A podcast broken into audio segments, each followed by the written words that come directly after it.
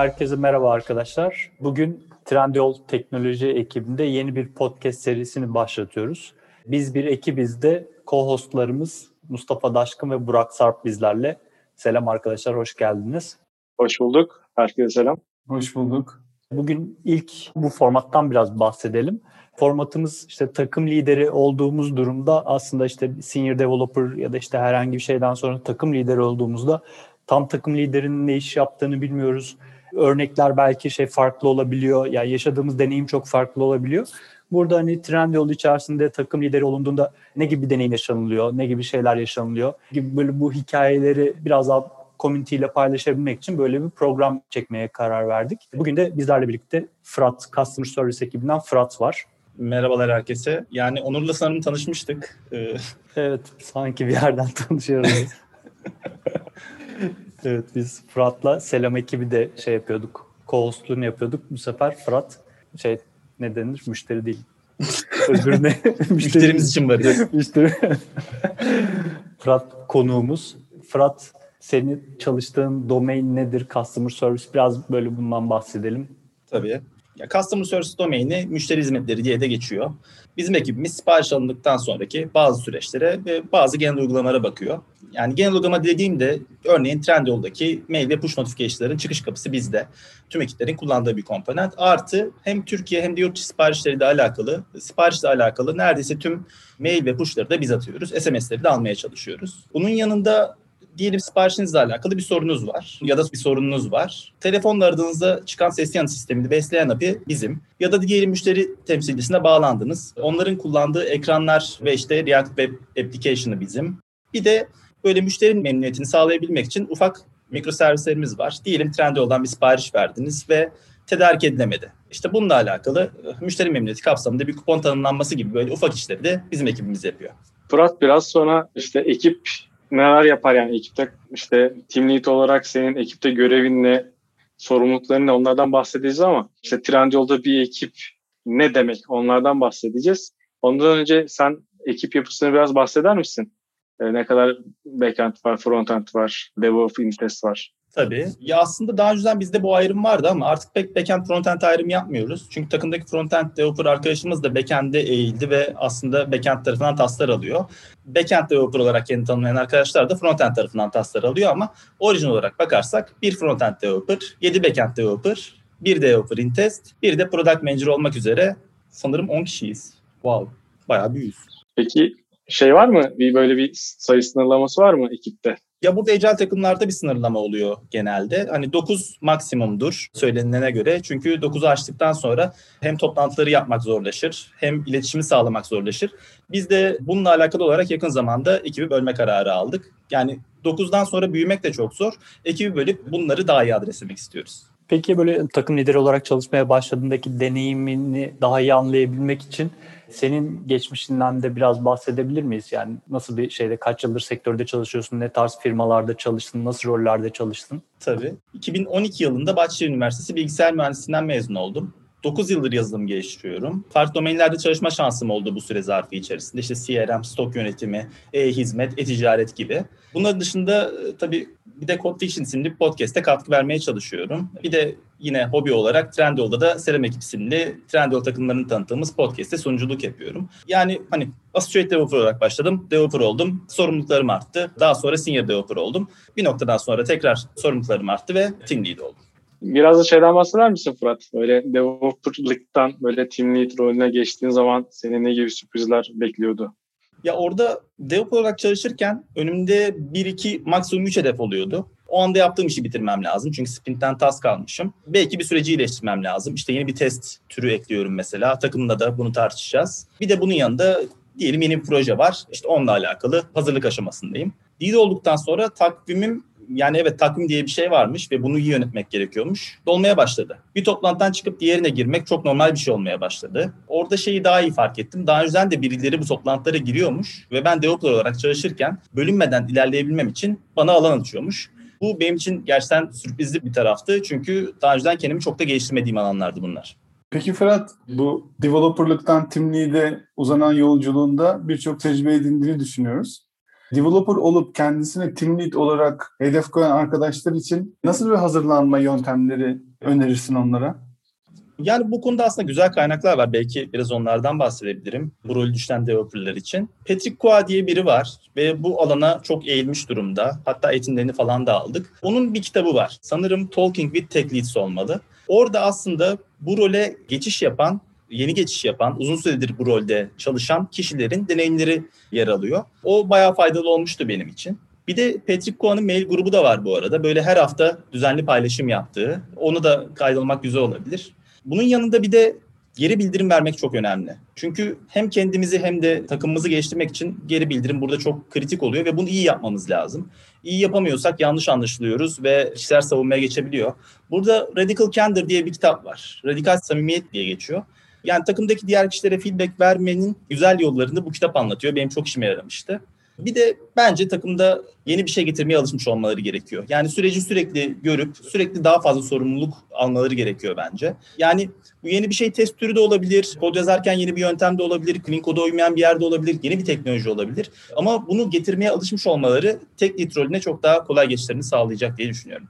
Peki bizim sektörümüzde çok karşılaşıyoruz bununla. İşte edindiğimiz tecrübelerle daha önce yaşadığımız şeylerle karşılaşsaydık farklı yöntemler, teknikler uyguladığımız, uygulayabileceğimiz çok oluyor. Sana da spesifik olarak şey desem, team lead olmadan önce developerken bir şeyleri daha iyi yapsaydın senin hayatını şimdi kolaylaştıracak bir şey olur muydu? Hani geçmişe dönüp baktığında. Şey gibi düşündüm aslında. Ulan şimdi olduk ama bunun eksikliğini çekiyorum. Keşke zaman varken, developerken bunun üzerine düşseydim, kendimi biraz hazırlasaydım buna. Yani şu an çok daha iyi olurdu benim için. Hani aslında amacım buydu. Ya zaman yönetimiyle alakalı çok fazla soru var abi. Ee, zaman yönetimine girmeyeceğim o zaman. Ama Radical Candor'ı daha erken okuyabilirdim belki. Yani birebirler yapmaya başlamıştım takımla. Hani çünkü bir şekilde kendimi geliştirmem lazım bu konuda. Ve bunu yapmadan da çok iyi olmak mümkün değil. Onu mesela ayda bir yapıyordum. Daha sık yapabilirdim belki. Hani takımı beraber çalışacağım insanları daha iyi tanıyabilmek için artı kendimi de bu konuda geliştirebilmek için. Çok güzel. Team Lead gerçekten büyük sorumluluk. Hani hem kendi sorumluluğun var hem de ekibinle ilgili sorumluluklar var. E bunları, bu sorumlulukları alırken, bunları execute ederken yani hepimiz problemler yaşayabiliyoruz, zorluklar yaşayabiliyoruz. Bu zorluklarla hissettiğin zaman bununla baş etmek için nasıl yöntemlere başvuruyorsun? Burada ben biraz şanslıydım. Çünkü daha önceden bazı arkadaşlarım vardı lead olan ve büyük ihtimal benim yaşadığım sorunları onlar da çok e, hepsini yaşamıştı. Denk geldikçe onları soruyordum ve hemen cevabını alıp ilerliyordum. Aslında bu konuda bir arkadaş grubu sahibi olmak çok güzel bir şey ama bu olmayabilir. Bizde benzer işleri yapan birkaç takım tribe yani kabile oluyor. Aynı tribe'deki liderlerle de bu konuları konuşmak kolay ve bu mekanizmanın oluşması çok güzel. Çünkü benzer işler yapıyoruz. Yine benzer sorunlar yaşıyoruz. Bir şey olduğunda cevabı birimizden birinde oluyor. Yani en tribe'ımdan da destek alıyorum. Yine bir çözüm bulamazsam ya da böyle bir konu değilse yani böyle görüş alarak çözebileceğim bir konu değilse yönetimden de destek istiyorum. Yönetim bu konuda bir şekilde bana yol açıyor ya da beraber bir yol açıyoruz. Öyle ilerliyoruz. Fırat benim sormak istediğim şöyle bir soru da var. Developer'lıktan Team Lead'e geçtik. Orada böyle bir odaklandığın konularda bir değişiklik oldu mu? Onu merak ediyorum. Olduysa ne, nedir yani? Yani daha çok kod yazarken çok daha az kod yazmaya başladım. Ve takımın genel mimarisine daha fazla odaklanmaya başladım. Bir de artık takımdaki kişilerin kendini geliştirmesi benim derdim oldu. Ve bunu sağlamak için her hafta birebirler yapmaya başladım. Yani zamanımı önceden ne bileyim %70-80 civarında koda ayırabiliyorken artık bazı haftalar bazen hiç ayıramıyorum. Ama bazı haftalar %10, %20 ayırabiliyorum. Hayatımdaki en çok değişen kısım bu oldu.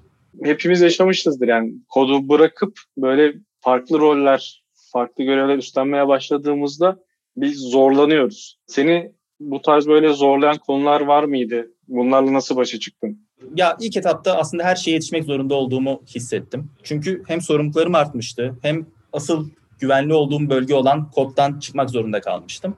Her şeyi iyi yapmak zorundayım.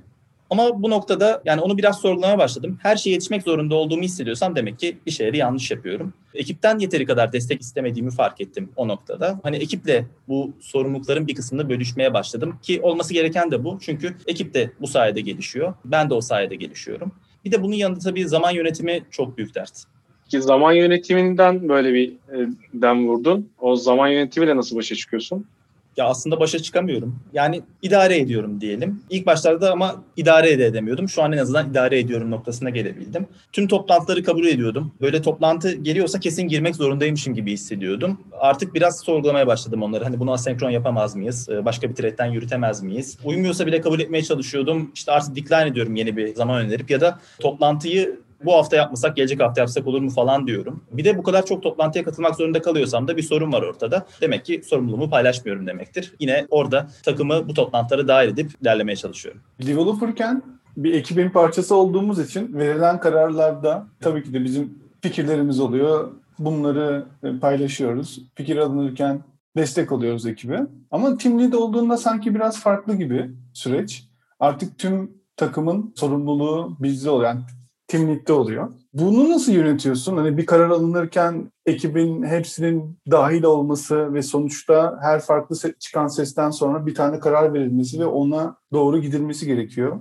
Hani bu süreci nasıl yönetiyorsun? Ya burada karar alınması gereken zaman da kritik aslında. Bir incident'ta mı karar alıyoruz? O zaman aslında ekibi tamamen dahil etmiyorum çoğu zaman. Yani 2-3 kişi bir araya geliyoruz ve işte 5 dakika incident'ın kritikliğine göre bazen 5 dakikada karar almak zorunda kalıyoruz. Ya da sprint task'ı mı konuşuyoruz? Orada bir time box'ımız var. 5 dakikada karar vermemiz lazım. Yine ekibin tamamı belki de bu konuda görüş bildiremeyecek ama çoğu toplantıda, ekiple beraber yaptığımız çoğu toplantıda ekibin tamamı bu karar sürecine katılabiliriz. Orada da yine time box yapmaya çalışıyoruz. Hani herkesin görüşünü sağlayabiliriz sağlayabileceği bir ortam yaratmak zorundayız. Bir kişinin fazla konuşması ve diğer kişilerin az konuşması çok uygun bir ortam yaratmıyor bizim için. Ama bir kararda da çıkmamız lazım. Ya burada bazı yöntemler kullanıyoruz. Hani diyelim teknik bir karar veriyoruz. O teknik kararı zaten daha önceden POC'sini yapmış oluyoruz. Hani elimizde bazı metrikler oluyor. Metrikler üzerinden değerlendiriyoruz. Ya da diyelim bir süreç kararı alacağız. Bununla alakalı puanlama yapıyoruz. İşte bizim işimizi mi kolaylaştıracak, işte zamandan mı bir şekilde feragat etmemizi sağlayacak gibi gibi böyle puanlar yapıyoruz ve bir şey çıkıyor. Benim buradaki görevim aslında karar alınmasını sağlamak. Kendi görüşümü dikte etmek değil kesinlikle. Kendi görüşümü dikte edersem çünkü diğer kişiler fikir belirtemez. Diğer kişiler fikir belirtemezse yani takım yok ortada.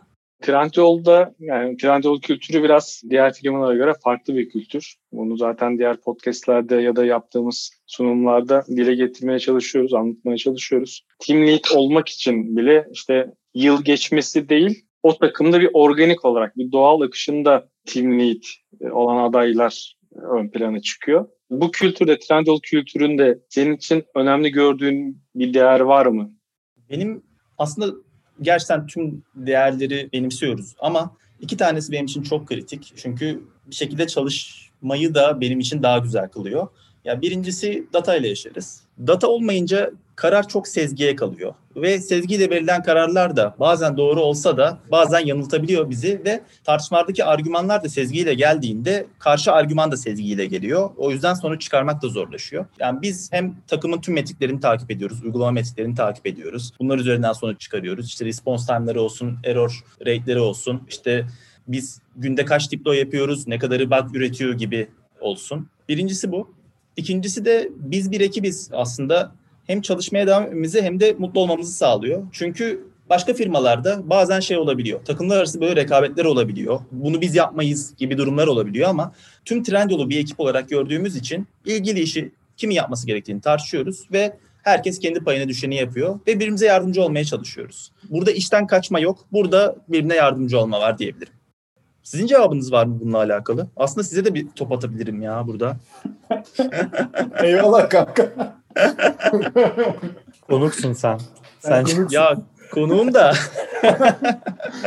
o değil de bir şarkı marka söyletmeyecek miydik ya biz Fırat'a? Ya ben şarkı söylemiyorum prensip olarak. Çünkü zamanda çok söyledim. Ama bu programı dinleyen konuklardan dinledikten sonra Radiohead'den Der Der şarkısını açmalarını rica ediyorum. Ben bir ek yapmak istiyorum. Fırat şarkı söylemiyorum prensip olarak dedi ama Fırat çok güzel Asere He Ha Dehe Deharedir şarkısını çok güzel söyler.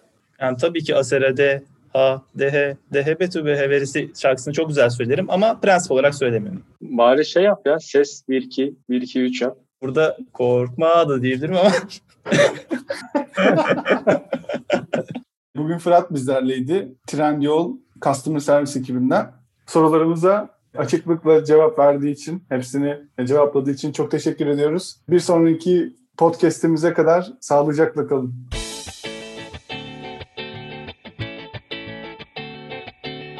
Aykaç buraya alkış ekleyecek miyiz yoksa biz mi yapalım alkışı? Alkışı. Bence ilk programı alkışlayalım ya.